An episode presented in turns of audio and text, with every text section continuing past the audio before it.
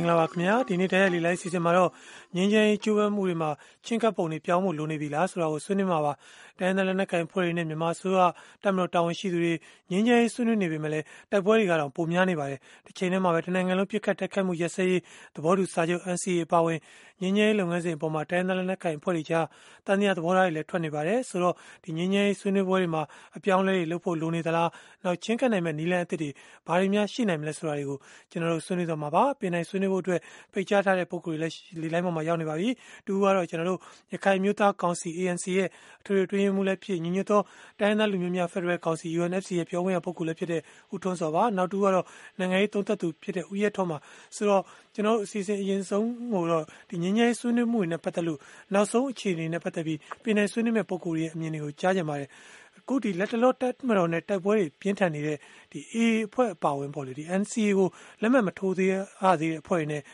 NRPC အမျိုးသားပြန်လည်သင့်မြတ်ရေးနဲ့ငြိမ်းချမ်းရေးဗဟိုဌာန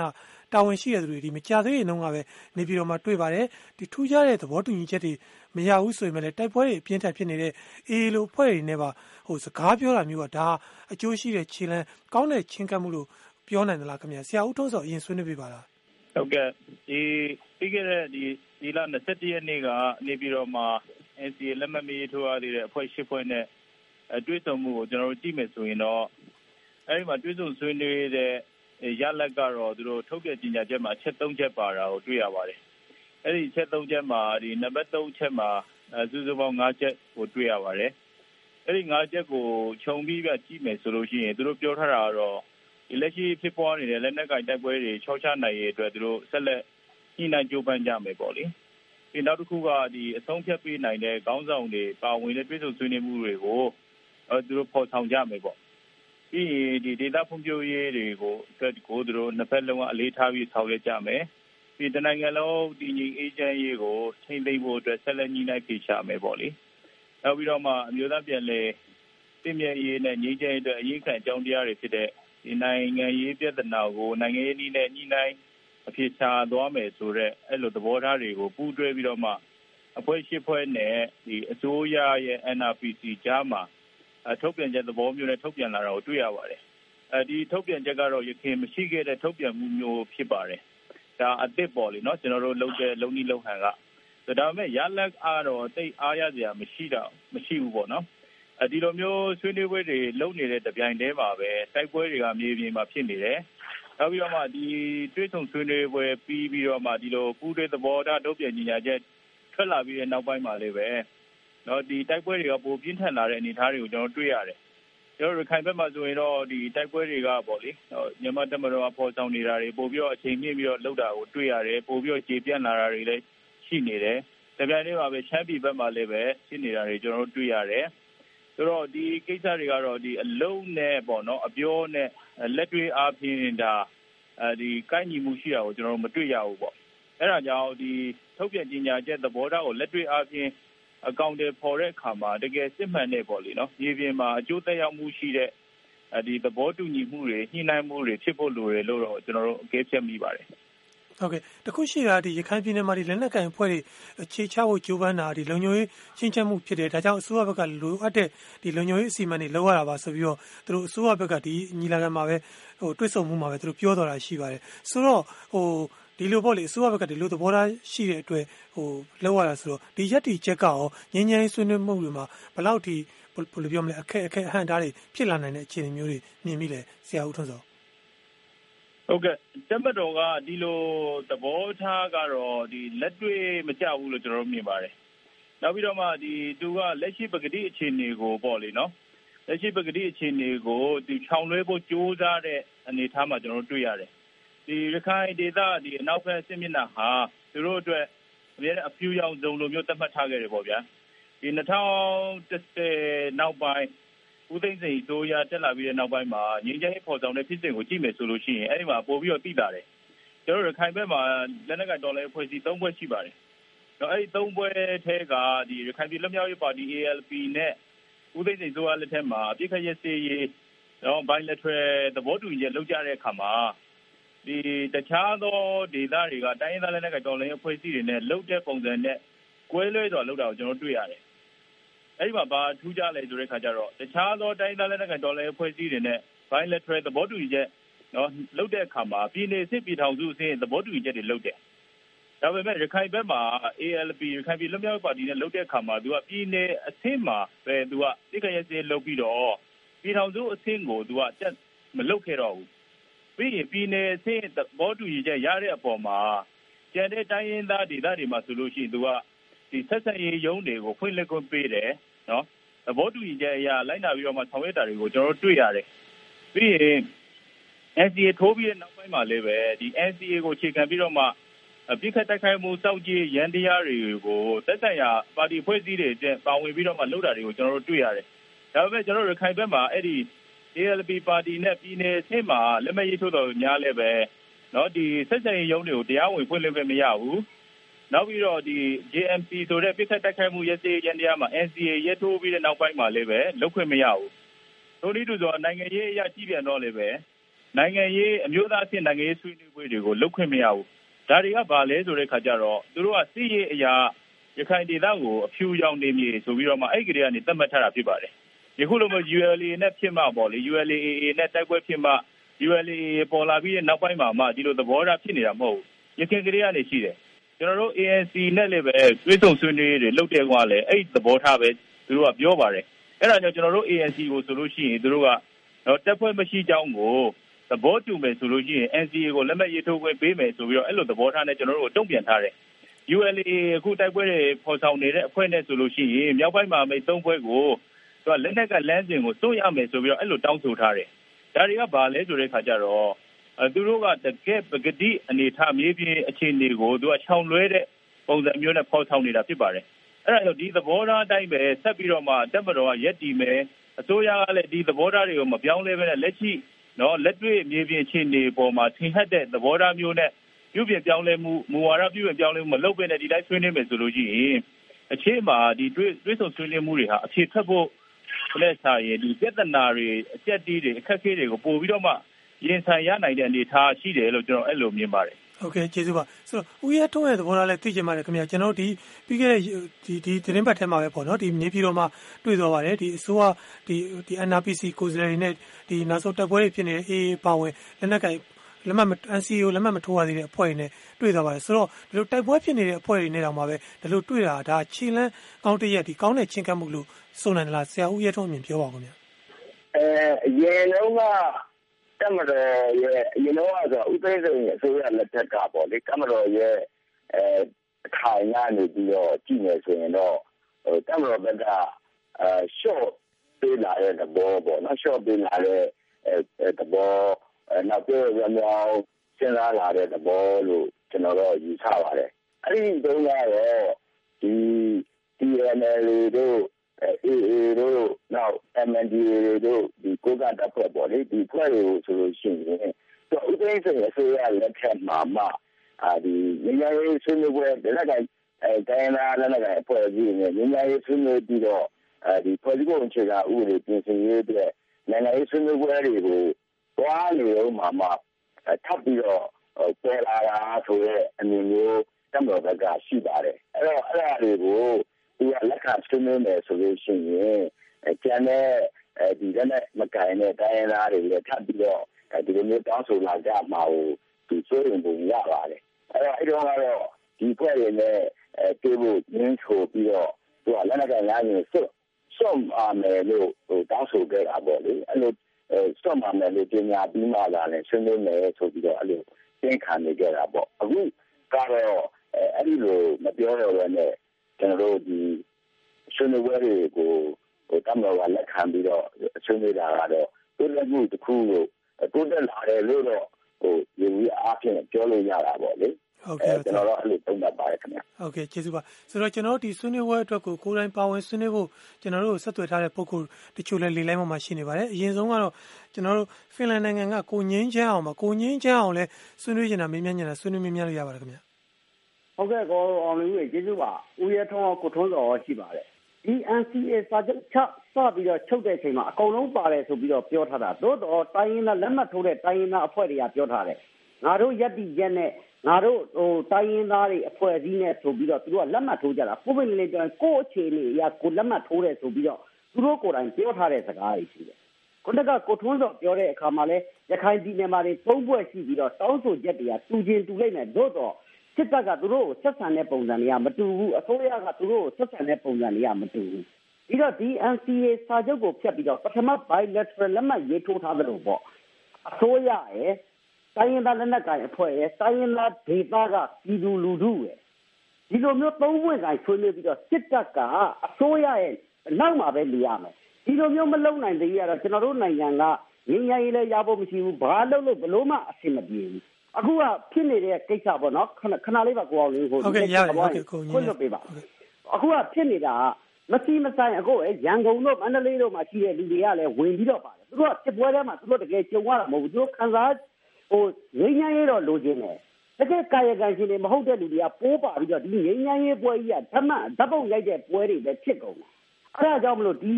NCA စာချုပ်ကိုပြင်ပြီးတော့သူ့တိုက်ပွဲဖြစ်တဲ့ဒေသကသူတွေ ဒီလက်နက်ကိုင်တော်လှန်ရေးဖွဲ့တွေအစိုးရဥပမာစစ်တပ်ကပါမယ်ဆိုလဲစစ်တပ်ပေါ့ဒီလောက်လေးပွင့်ဆိုင်လောက်ပဲလုပ်ချင်တယ်ဟိုလေကြီးတော်ခေါ်လိုက်ရန်ကုန်ခေါ်လိုက်ဒီလိုမျိုးဓာတ်ပုံရိုက်တဲ့ပွဲတွေလောက်တာကိုတော့ short တင်တယ်လို့ကျွန်တော်မြင်ပါတယ်ဥမာဦးရဲထုံးတို့ကိုထုံးတော်တို့လည်းဒါကိုထပ်ပြီးတော့ဆွေးနွေးစီတင်ပါတယ်ဟုတ်ကဲ့ကိုငင်းငင်းအောင်ဆွေးနွေးတဲ့ကျေးဇူးပါကျွန်တော်နောက်တူကတော့ထိုင်းနိုင်ငံကကိုတီးလည်မှုဖြစ်ပါတယ်ကိုတီးလည်မှုလည်းဆွေးနွေးလို့ရပါတယ်ခင်ဗျာဟုတ်ကဲ့ခင်ဗျာကျွန်တော်အနေနဲ့ကတော့နော်ဒီအစိုးရစစ်တပ်ရဲ့ လောက်ရကတော့မူမမှန်ဘူးကရိုးသားမှုမရှိဘူးဆိုတာကျွန်တော်ပြောလို့ပါတယ်ခင်ဗျ။ဘာဖြစ်လဲဆိုရင်နော်ကျွန်တော်တို့ဗမာပြည်မှာငြိမ်းချမ်းစီချင်တယ်နော်ကောင်းစီချင်တယ်နော်တိုးတက်စီချင်တယ်ဆိုရင်နော်ဓာတ်လူခွင့်ရေးပေးဖို့ပေးရမယ်ခင်ဗျ။ဓာတ်လူခွင့်ရေးမပေးဘဲနဲ့နော်နိုင်ငံတကာကလည်းလိမ့်လေပြည်သူတွေလည်းလိမ့်လေပြီးတော့နော်တိုင်းသားပြည်သူတွေကိုနော်ချက်လူဖြက်စီလုပ်နေတဲ့အစိုးရစစ်တပ်အဖွဲ့အစည်းလို့ကျွန်တော်တို့မြင်နေရပါတယ်ခင်ဗျ။ ဘာဖြစ်လို့လဲဆိုရင်နော်ပြည်သူလူထုဟာငြိမ်းချမ်းရေးလိုချင်တယ်။ဒါပေမဲ့အစိုးရစစ်တပ်ကငြိမ်းချမ်းရေးလိုချင်တာပြောတယ်။ပြောပေမဲ့လည်းသူတို့လှုပ်ဆောင်ချက်ဟာနော်ပြောတာနဲ့လုပ်တာနဲ့ခြားပြီးဖြစ်နေတယ်ခင်ဗျ။ကျွန်တော်အနေနဲ့လိုချင်တာကတော့ဓာတ်လူခွင့်ရတဲ့ကိုယ်ပိုင်စက်နှံခွင့်ဒါပဲလိုချင်တယ်ခင်ဗျ။ဟုတ်ကဲ့ကိုသီးလည်းမဆွေးနွေးတာကျေးဇူးပါနောက်တူကတော့ကျွန်တော်တို့မြန်မာနိုင်ငံပါပဲကိုခမောင်လင်းဖြစ်ပါတယ်ကိုခမောင်လင်းသဘောထားလဲဆွေးနွေးလို့ရပါတယ်ခင်ဗျာကျွန်တော်ပြောကြတော့ဒီလမ်းကြည့်အနေနဲ့ကတော့ NLD အစိုးရနဲ့တက်မလို့ကတိုင်းသားများကြီး ယုံကြည်မှုရရှိတော့အဦးဆုံးတည်ဆောက်ပြီးနေ။ဒါမှမဟုတ်ဖြစ်နေရတော့ NLD ကောင်းဆောင်များသည် NLD ကောင်းဆောင်များနဲ့တက်မလို့ကောင်းဆောင်များသည်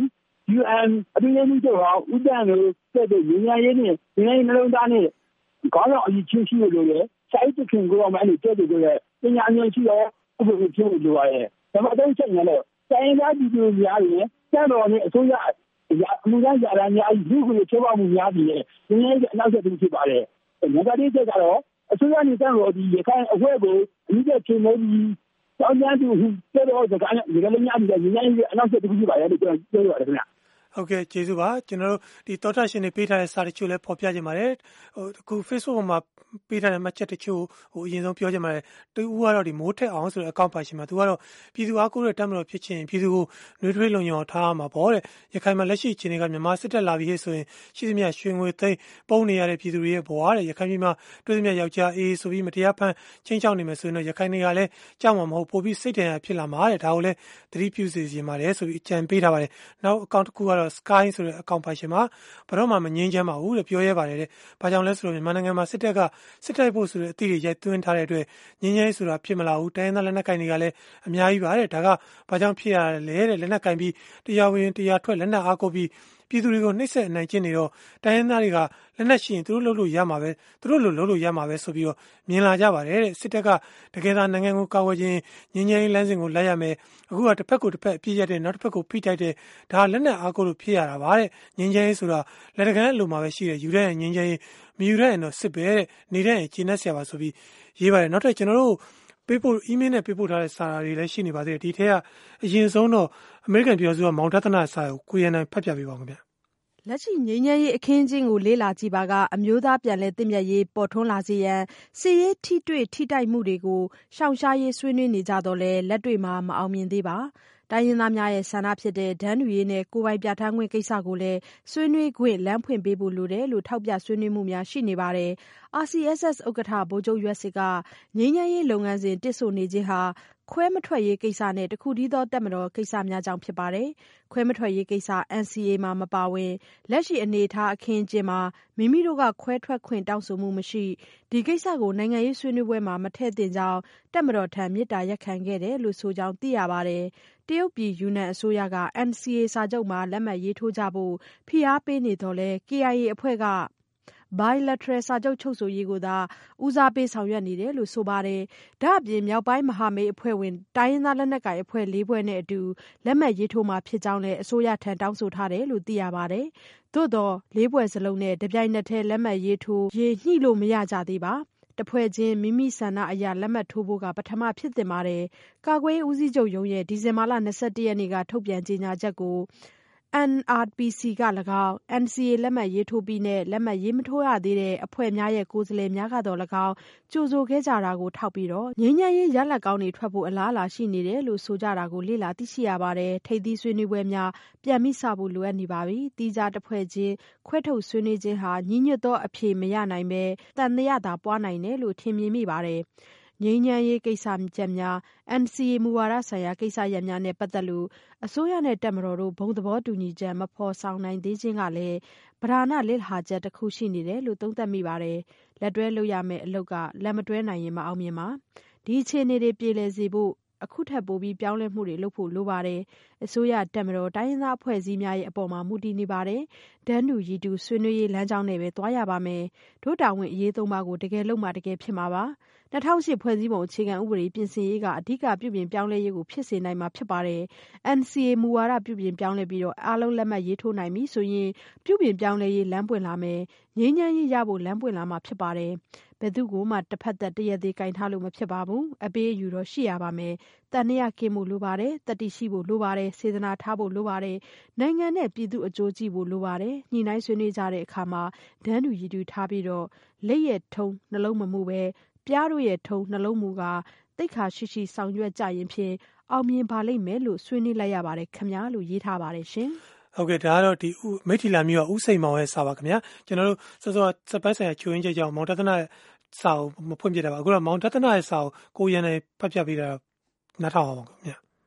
လက်နက်ကိုင်အဖွဲ့အစည်းတွေရဲ့ကြောတောင်းနောက်ခံလည်းမရှိ သဘာဝရင်းမြစ်နဲ့ နယ်မြေအားလုံးကိုလည်း မပိုင်ဆိုင်ဘဲ နှစ်ပေါင်းများစွာ ရှုပ်ဖွထားခဲ့တဲ့ ပြဿနာပေါင်းစုံကို ပိုက်ပြီးတော့ တိုင်းပြည်ကို တည်ငြိမ်ဖွံ့ဖြိုးတိုးတက်လာအောင် ရုန်းကန်နေရတဲ့ အစိုးရရဲ့ ငြိမ်းချမ်းရေးဖော်ဆောင်မှု လုပ်ငန်းစဉ်တွေအပေါ် လက်နက်ကိုင်ခေါင်းဆောင်တွေအားလုံး ယုံယုံကြည်ကြည် ပူးပေါင်းဆောင်ရွက်ကြမယ်ဆိုရင် ငြိမ်းချမ်းရေး မရနိုင်စရာ ဘာအကြောင်းမှ မရှိနိုင်ဘူးလို့ ယူဆမိပါတယ်။ပထမဆုံး လူမျိုးစုလက်နက်ကိုင် အဖွဲ့အစည်းတွေအနေနဲ့ နှစ်ပေါင်း ၆၀ ကျော် ခေါင်းစဉ်အမျိုးမျိုး၊ကြွေးကြော်သံအမျိုးမျိုးနဲ့ စစ်ခင်းလာကြတာ ကိုယ့်လူမျိုး၊ကိုယ့်ဒေသပတ်ဝန်းကျင်အတွက် ဘာအကျိုးကျေးဇူးတွေ ဖြစ်ထွန်းခဲ့သလဲဆိုတာ မှန်မှန်ကန်ကန် သုံးသပ်ကြည့်ဖို့လိုတယ်လို့ ယူဆမိပါတယ်။ NCA ကို လက်နက်ကိုင်အဖွဲ့အစည်းတွေအားလုံး လက်မှတ်ထိုးခြင်းအားဖြင့် ကြိုကြားပစ်ခတ်မှုတချို့ကလွဲလို့ သေနတ်သံတွေ ငြိမ်သက်သွားနိုင်ပါတယ်။ဒီအချိန်မှာ အပစ်အခတ်ရပ်စဲရေး စောင့်ကြည့်လေ့လာရေးအဖွဲ့တွေကို ဖွဲ့စည်းစောင့်ကြည့်နိုင်ပြီး စစ်ရှောင်ဒုက္ခသည်တွေကို ပြန်လည်နေရာချထားရေးကို အားလုံးက ပူးပေါင်းဆောင်ရွက်နိုင်ပြီး ယုံကြည်မှုတည်ဆောက်ရေးကိုလည်း ဆောင်ရွက်လာနိုင်မှာဖြစ်ပါတယ်။နိုင်ငံတကာထောက်ခံမှုတွေ ပိုမိုရရှိလာနိုင်ပြီး နိုင်ငံရေးတွေ့ဆုံဆွေးနွေးပွဲတွေအတွက် ပိုမိုအားကောင်းလာနိုင်ပါတယ်။ နိုင်ငံရေးတွေ့ဆုံဆွေးနွေးပွဲတွေ အားကောင်းလာတဲ့အတွက် အခြေခံဥပဒေပြင်ဆင်ရေးပိုင်းတွေမှာလည်း ပိုမိုလွယ်ကူလာနိုင်မယ်လို့ ယုံကြည်မိပါတယ်။ဟုတ်ကဲ့ ဒါကတော့ မောင်တသနာပေးစာပါ နောက်ထပ် ကျွန်တော်တို့တောတာရှင်တူ Facebook ကနေ ပေးထားတဲ့ စာတစ်စောင်လည်း ရှိနေပါသေးတယ် မဆုမွန် ဖတ်ပြပေးပါခင်ဗျာ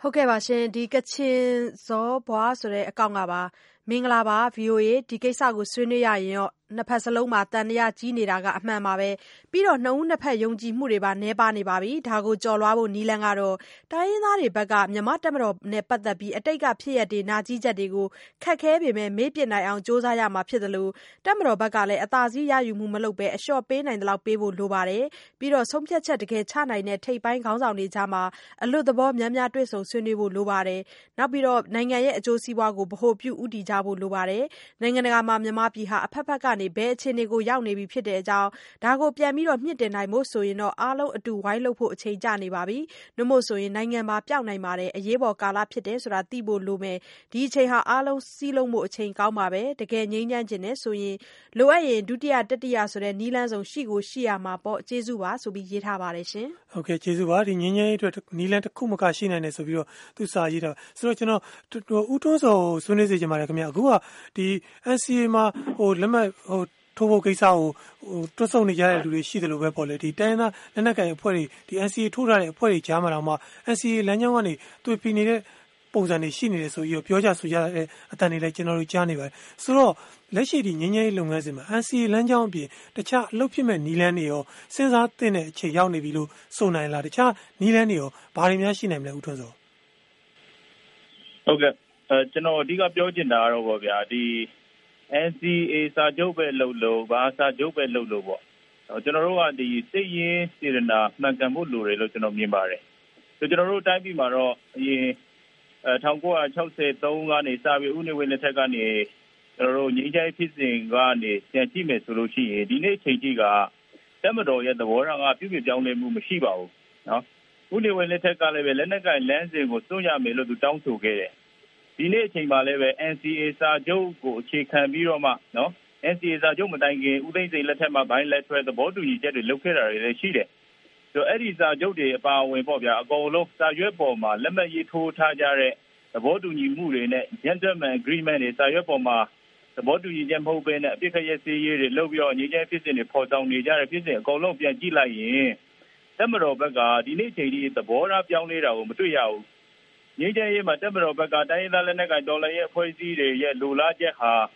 နိုင်ငံရေးအရာအဖြေရှာလိုတဲ့သဘောထားဆိုပေမဲ့လို့သူကနိုင်ငံရေးအရာအဖြေရှာလိုတဲ့စစ်မှန်တဲ့သဘောထားကိုဒီနေ့ချိန်ကြီးမပြဘူး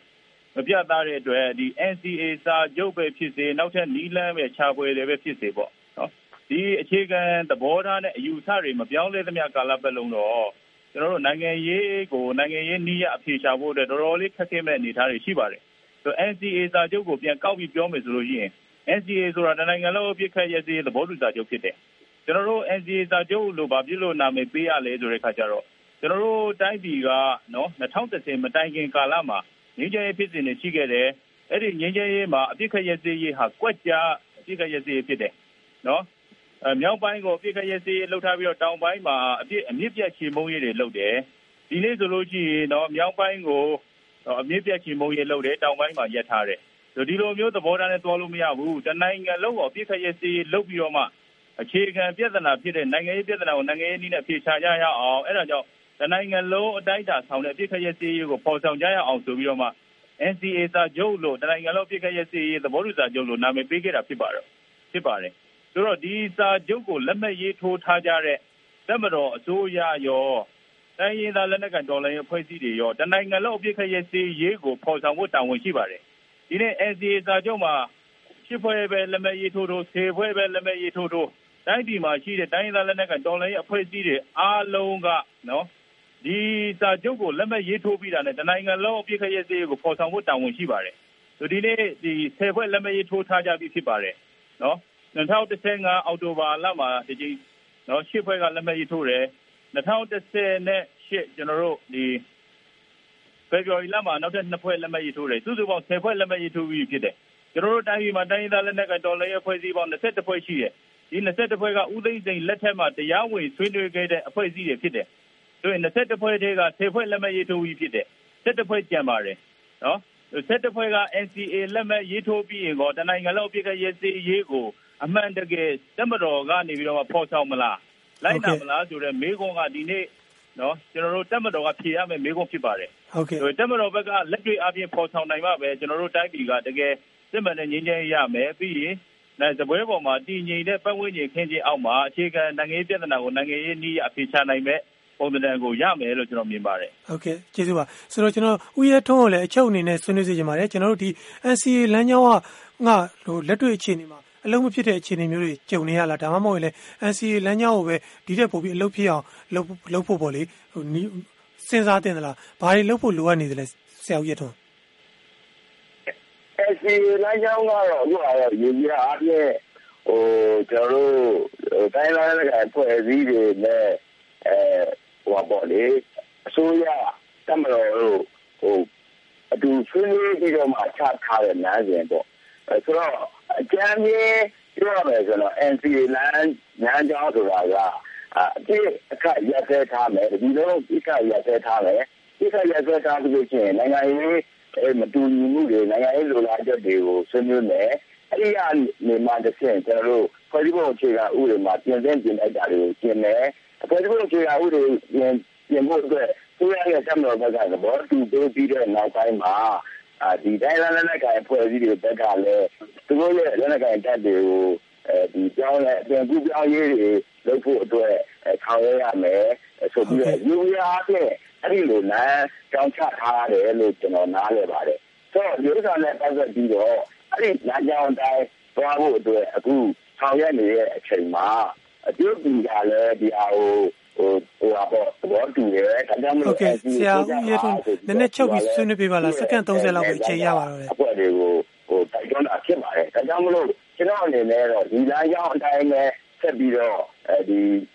ရှောက်သွားဟိုဟိုပါဒီခိုင်ခိုင်မာမာအမိခံနဲ့ရှောက်သွားလို့ရှိရင်ငြိမ်းချမ်းရေးရဖို့အတွက်အဲဒီအဖြေရှိပါလိမ့်မယ်လို့ကျွန်တော်ယုံကြည်ပါတယ်ခင်ဗျာ ဟုတ်ကဲ့ပါဝင်ဆွေးနွေးပြတဲ့ဦးရဲထွန်းဦးထွန်းစောကိုယ်တိုင်ပါဝင်ဆွေးနွေးရတဲ့သူတွေစာရေးသားပေးပို့သူတွေနဲ့သောတာရှင်တွေအားလုံးလည်းအထူးပဲကျေးဇူးတင်ပါတယ်ခင်ဗျာ